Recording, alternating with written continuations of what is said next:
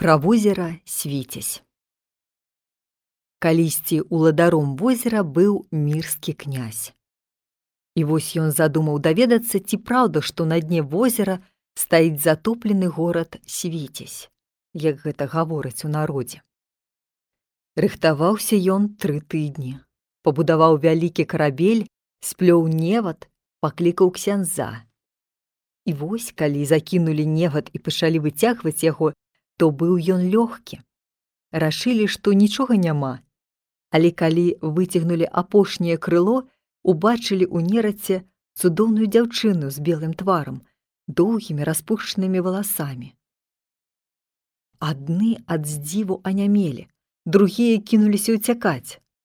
Тады дзяўчына загаварыла голасам падобным да голасу ручая, які бег у гэтае возера.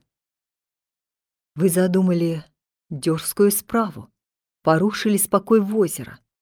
Але я раскажу вам пра яго. На тым месцы, дзе сёння возера стаяў некалі горад. Князь, які валодаў горадам, быў у хаўрусе з навагрудскім князем міндоўгам.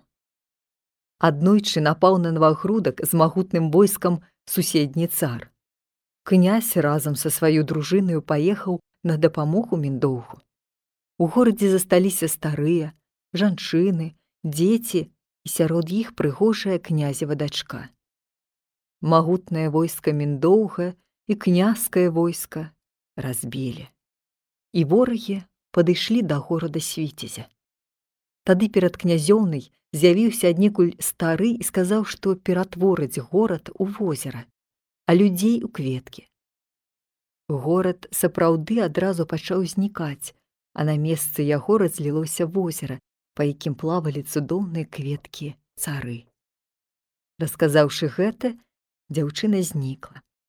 Больш яе ніхто ніколі не бачыў, як успамін пра гэта кожную вясну цвітуць на возеры кветкі цары. Жыхары горада свіцезя мелі такую негасцінную завядзёнку, што ніколі не дазвалялі начаваць у ім падарожнікам раз прыйшоў туды стары калека прахожы і попрасіўся да беднай жанчыны удавы з дзіцем пераначаваць. Яна не хацела пускаць яго, наракаючы на сваю беднасць, яшчэ баялася суда суседзяў. Але стары расчуліў яе, даў ёй тры зярняткі жыта і калі яна іх змалола, дык выйшла тры чвэрці мукі. Здзіўленая цудам жанчына нарэшце пусціла яго ў хату. Стары пераначаваў, а на другі дзень жанчыну за непаслушэнства закону жыхары хацелі пакараць. Стары заступіўся за яе, але разам з тым за такі нядобры звычай вырашыў пакараць усіх жыхароў свіцезя. Загадаў жанчыне узяць на рукі сваё дзіця і ісці, не аглядаючыся з горада, які зараз жа сказаў затопіцца вадой. Толькі яны выйшлі за браму, як горад пачало заліваць. Жыхары ўзнялі плач, енк, а жанчына, што выйшла з горада, з цікаўнасці азірнулася. За тое, што не паслухалася старога, яна ператварылася ў камень. І цяпер гэты камень стаіць у возеры непадалёка ад берага, нагадваючы жанчыну з дзіцем на руках. Кажуць, што калі хто даплыве да каменя і дакранецца яго рукою, то з каменя выступае кроў Даўно гэта было.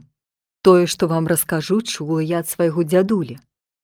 Пан незабытоўскі, якому належала возера, захацеў даведацца, ці глыбокае яно.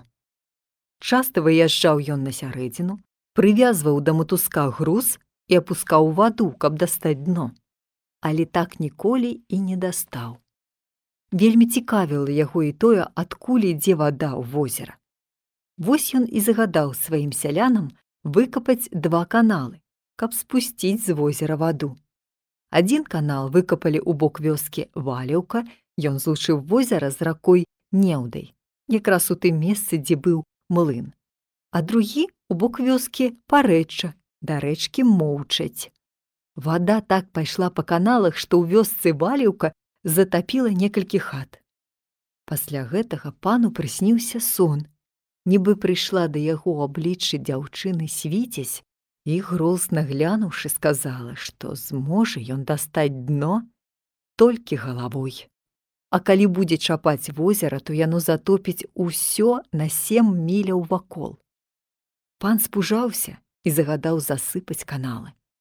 Сляды тых каналаў відаць і цяпер. Але цікавасць да таго, адкуль ідзе вада ў возера і куды яна дзяецца, не пакідала пана. Незабытоўскі злавіў трох шчупакоў, акальцаваў іх і пусціў у ваду. На кольцах было напісана: Калі хто зловіць шчупака, каб пазваў пана на абед. Пана, вядома, больш цікавіла, дзе зловяць гэтых шчупакоў. Дык аднаго шчупака злавілі ў азяранах каля наваельні, а другога у колдычаўскім возеры пад баранавічамі. Так пан даведаўся аб падземных крыніцах, што луча свіцясь з іншымі азёрамі.